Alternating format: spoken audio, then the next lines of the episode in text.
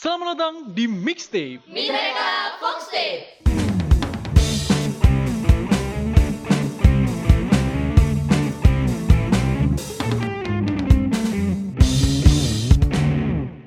Halo Sobat Misa, bertemu dengan aku Davina yang akan nemenin Sobat Misa pada episode kali ini. Gimana nih kabar Sobat Misa? Gak kerasa ya, udah hampir setahun aja kita belajar di rumah. Padahal di rumah katanya cuma dua minggu aja tuh. Tapi semoga Sobat Misa tetap sehat dan semangat ya buat ngerjain tugas yang bejibun. eh, tapi bentar. Ngomongin seputar tugas nih Sobat Misa. Kalian ngerasa gak sih kalau saat ngerjain tugas materinya kadang kurang masuk ke otak? Jadi kita sendiri yang harus meluangkan waktu tambahan untuk belajar lagi tentang materi tersebut. Ya, emang pada dasarnya kita sebagai pelajar juga manusia biasa. Wajar banget dong ada batas di mana kita bakal merasa jenuh atau lelah karena belajar. Tapi sadar atau enggak, ini juga bisa disebabkan karena metode belajar yang salah loh Sobat Misa. Karena Davina sendiri pun masih ngerasa kurang efektif belajarnya. Yes, pas banget. Episode kali ini mungkin cukup berbeda dengan episode-episode sebelumnya karena kita sudah kedatangan someone spesial yang akan ngobrol bareng Devina seputar tips belajar dan tips SNMPTN. Beliau merupakan guru BK di SMA Negeri 1 Malang. Bisa langsung diperkenalkan? Oke, uh, kita langsung perkenalkan. Uh, saya sendiri, uh, nama saya Ardi Wirakusuma, biasa dipanggil Pak Ardi kalau di sekolah. Anak-anak juga lebih santai dengan nama Pak Ardi. Uh, saya di sini menjabat jadi guru BK saat dari tahun 2017 sampai saat ini. Wah, ini salah satu guru terhits nih di SMA Negeri 1 Malang. Oke, di sini Davina akan memberikan beberapa pertanyaan dari Sobat Misa kepada Pak Ardi. Ini nih pertanyaan yang masih sering banget dipertanyakan. Cara belajar seperti apa sih Pak yang sesuai dengan para siswa khususnya di era pandemi saat ini dengan pembelajaran daring? Oke, Uh, kalau menurut saya, ini ini penilaian saya pribadi ya, karena terus terang kalau masalah metode pembelajaran itu kembali lagi kepada para siswanya. Siswanya itu apalagi uh, di saat kondisi seperti ini, bisakah menggunakan uh, media secara online? Itu kita juga nggak tahu. Jadi semuanya kembali. Tapi yang sudah saya ambil kesimpulan selama selama saya masih Uh, tidak ada pandemi ini ya selama kondisi ini tidak ada seperti ini itu biasa paling cepat itu menggunakan metode dengan pemutaran film nah di mana pemutaran film itu langsung uh, kita memberikan gambaran secara baik dan secara nyata uh, belajar yang efektif itu seperti apa jadinya menggunakan media film tapi itu semua kembali kepada para siswa karena secara psikologi sendiri metode pembelajaran itu dibagi menjadi tiga audio, kinestetik sama visual. Nah, ketika eh, pandemi seperti ini, yang kinestetik ini yang seperti apa nantinya? Ketika dia eh, apa mengikuti pembelajaran karena kinestetik itu kan dengan cara dia berjalan atau bergerak, maksudnya dia mempunyai kesibukan secara nyata dan uh, dia itu malah yang jadi bingung kalau ketika pandemi seperti ini seperti itu Waduh, kalau belajarnya pakai metode film nih, Davina juga mau dong, Pak. Oke, ya menurut kamu sendiri gimana? Menurut Devina sendiri, kira-kira selama proses pembelajaran seperti ini, Devina lebih nyaman ada pemutaran film kah? Atau tugas dari Google Classroom kah? Atau langsung meet dengan gurunya kah? Seperti itu. Ya bisa juga dengan film. Kalau Devina sendiri sih pengennya gurunya itu kayak memperagakan belajar seperti di kelas dan di video, lalu di videonya disebarkan ke murid-muridnya. Jadi muridnya tuh seperti merasa sedang di kelas gitu. Nah oke okay. itu seperti itu. Jadi ada inovasi lain ya agar belajar lebih menyenangkan dan efektif secara bersamaan. Oke, okay, iya. Oke, okay. uh, kalau menurut Pak Adi sendiri, apa sih solusinya agar bisa tidak terganggu saat belajar? Uh, solusi saya sih memang tergantung ya. Kalau saya ada anak, kalau kita melihat tipe anak sendiri sih, ada tipe anak yang memang individualis. Individualis itu dalam artian dia bisa belajar dengan cara sendiri, menyendiri, ya kan? Tapi ada juga anak yang bisa secara kelompok, ya kelompok ini yang harus harus bisa belajar secara berkelompok jadinya harus dengan banyak orang. Nah, kalau solusi saya lihatlah dirimu introspeksi diri dulu. Kira-kira belajar yang sekiranya efektif untuk dirimu itu antara kamu sendiri atau dengan kelompok sekiranya efektif dengan sendiri ya silahkan dengan sendiri kalau sekiranya itu dengan kelompok silahkan mencari teman-teman kelompok belajar seperti itu Baik. Ngomong-ngomong ada waktu tertentu nggak sih untuk kita bisa belajar lebih efektif? Mungkin pukul berapa dan berapa lama gitu, Pak? kalau belajar lebih efektif ya gimana ya nanti dikira saya orang psikologis. Saya saya nggak mau merebut itu karena memang otak kita sendiri pun eh, ada waktunya otak kita itu eh, bisa menangkap semua apa yang kita terima pada saat itu. Ada. Jadi kalau mengatakan apakah efektif kita belajar dari jam 7 sampai jam 2 kalau menurut Davina sendiri seperti apa kira-kira masuk enggak berapa persen sih eh, mata pelajaran dari jam 7 sampai jam 2 yang sekiranya masuk ke kamu? Kalau belajarnya terlalu lama, misal mulai pagi sampai siang itu malah bikin otak jenuh ya, Pak. nah, nah ya seperti itu. Jadi otak ini sebetulnya juga butuh bukan hanya fokus untuk di belajar tapi untuk eh, apa kesenangan kita sendiri. Dalam artian dia nggak butuh fokus ke satu hal gitu loh. Dia harus berbagai macam hal. Kalau Davina sendiri sih belajar paling efektif menurut saya malam hari sih. malam hari oke.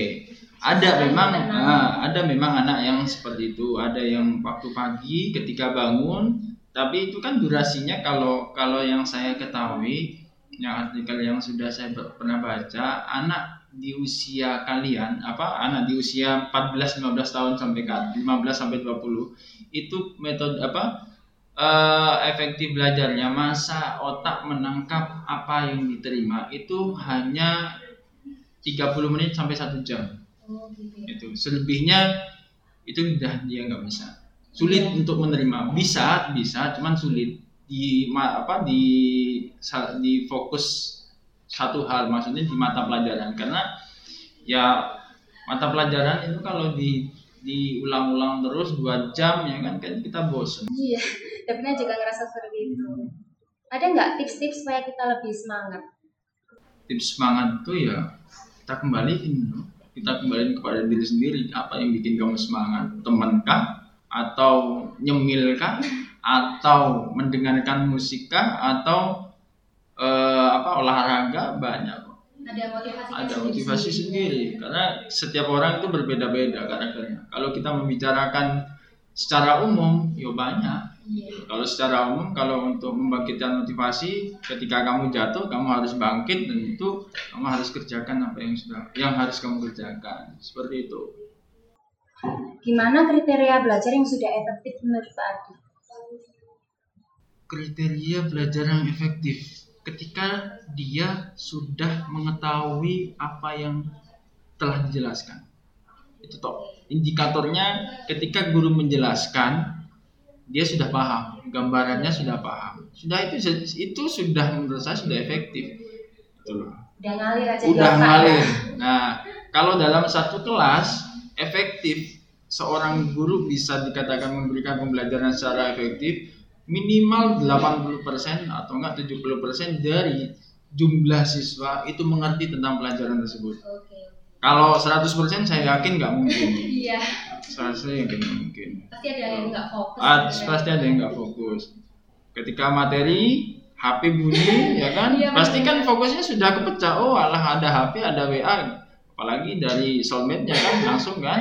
Iya, Nah, apalagi langsung masa remaja ya. masa remaja. Nah, Tapi sebenarnya belajar itu sesuai mood atau keharusan? kalau sesuai mood, nanti dikira saya otoriter. ya. Kalau keharusan nanti saya disalahkan oleh orang lain.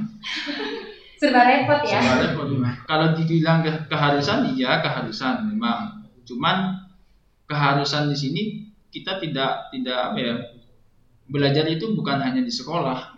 Belajar itu bisa di lingkungan rumah, eh, lingkungan masyarakat, terutama kalian yang eh, anak-anak pada zaman sekarang kan di sekolah lebih aktif di organisasi, ya kan?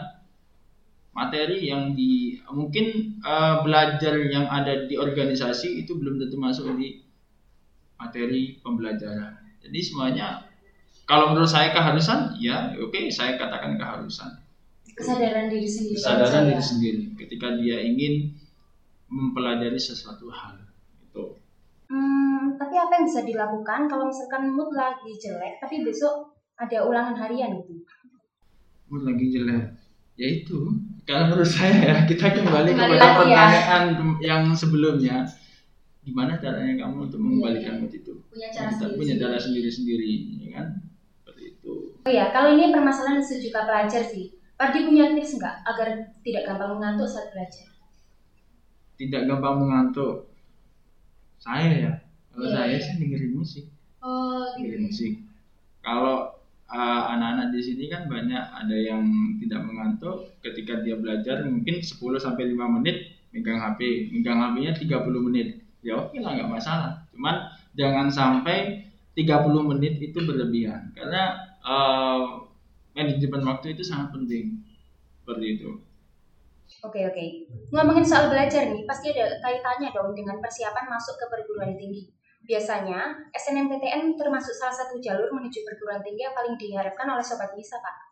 Tapi Davina sendiri masih sering nih banyak yang beranggapan bahwa SNMPTN itu jalur hoki-hokian. Kalau menurut Pak Adi sendiri bagaimana dengan anggapan tersebut? Kalau anggapan tersebut jalur hoki-hokian bisa dikatakan ya. Karena apa? Anak yang mempunyai nilai sampai 80 90 ke atas itu belum tentu keterima. Karena apa? Karena saingan mereka itu bukan hanya saingannya di sekolah, tapi saingan mereka itu secara nasional dan semua SMA di Indonesia itu kita beradu di situ.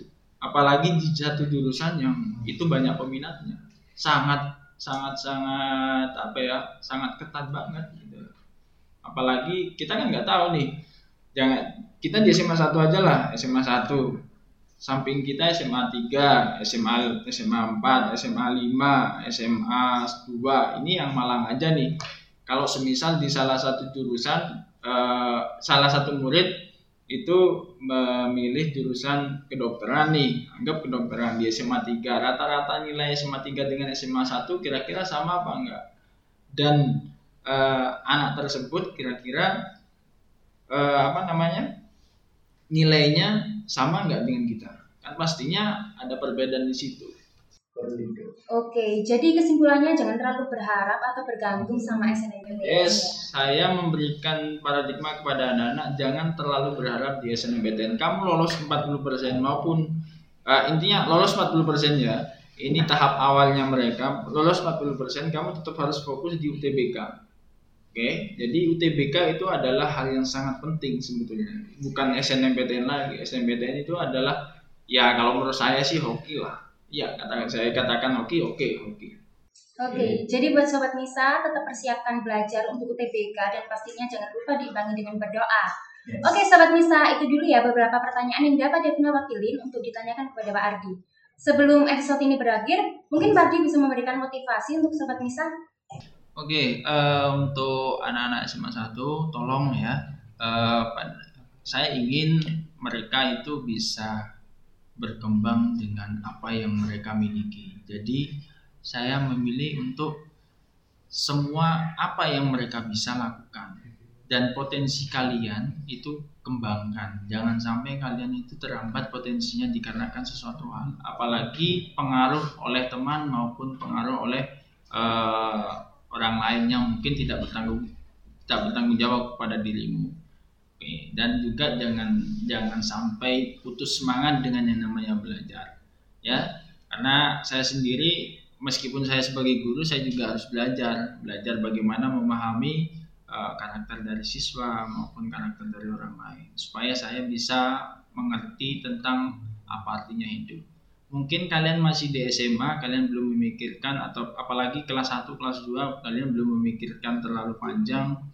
Eh, saya ngapain sih saya harus ngurusi perguruan tinggi? Nantilah ada kalanya ketika di kelas 3. Tapi nanti kelas ti- eh, ketika di kelas 3 kamu pasti akan bingung di situ. Pasti akan bingung di situ. Maka dari itu dari kelas 1 kelas 2 kamu persiapkan apa yang menjadi eh, diri kamu sendiri, passion kamu sendiri, potensi kamu sendiri. Cita-cita bukan hanya apa ya, kesuksesan bukan hanya dilihat dari seberapa tinggi mata pelajaran yang kamu peroleh, tapi seberapa besar semangat kamu, kerja kamu untuk mendapatkan uh, atau mengasah passion kamu untuk ke bidangmu sendiri. Jadi Iya. seperti itu. Harus memikirkan masa depan sedini mungkin ya Pak. Oke, ya. Baik, Davina mengucapkan terima kasih banyak kepada Pak Ardi yang sudah meluangkan waktunya untuk ngobrol bareng Davina pada episode kali ini. Semoga Sobat Misa bisa menerapkan tips-tips dari Pak Ardi, lancar terus sekolahnya, dan semangat buat Sobat Misa yang sedang persiapan menuju perguruan tinggi. Sampai jumpa di episode selanjutnya. Bye-bye!